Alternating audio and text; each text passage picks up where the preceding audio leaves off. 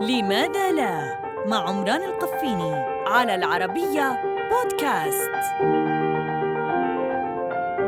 لماذا لا نعلم الطفل لغتين قبل الخامسة من العمر؟ تقول دراسات حديثة إن تعلم لغتين فأكثر يؤخر على الأرجح خطر الإصابة بمرض الشيخوخة ألزهايمر خمس سنوات تقريباً. لكن تعلم اللغتين قبل سن الخامسة يعرض الطفل لخطر اضطرابات الكلام بسبب تشتت انتباهه فالطفل من السادسة حتى الحادية عشرة أقدر على استيعاب الكلمات واستخدامها استخداما حسنا بحيث تترك السنوات الأولى للغة الأم. لا ننسى أن الطفل وغير الطفل يفكر في وعاء من اللغة وهكذا يحلم.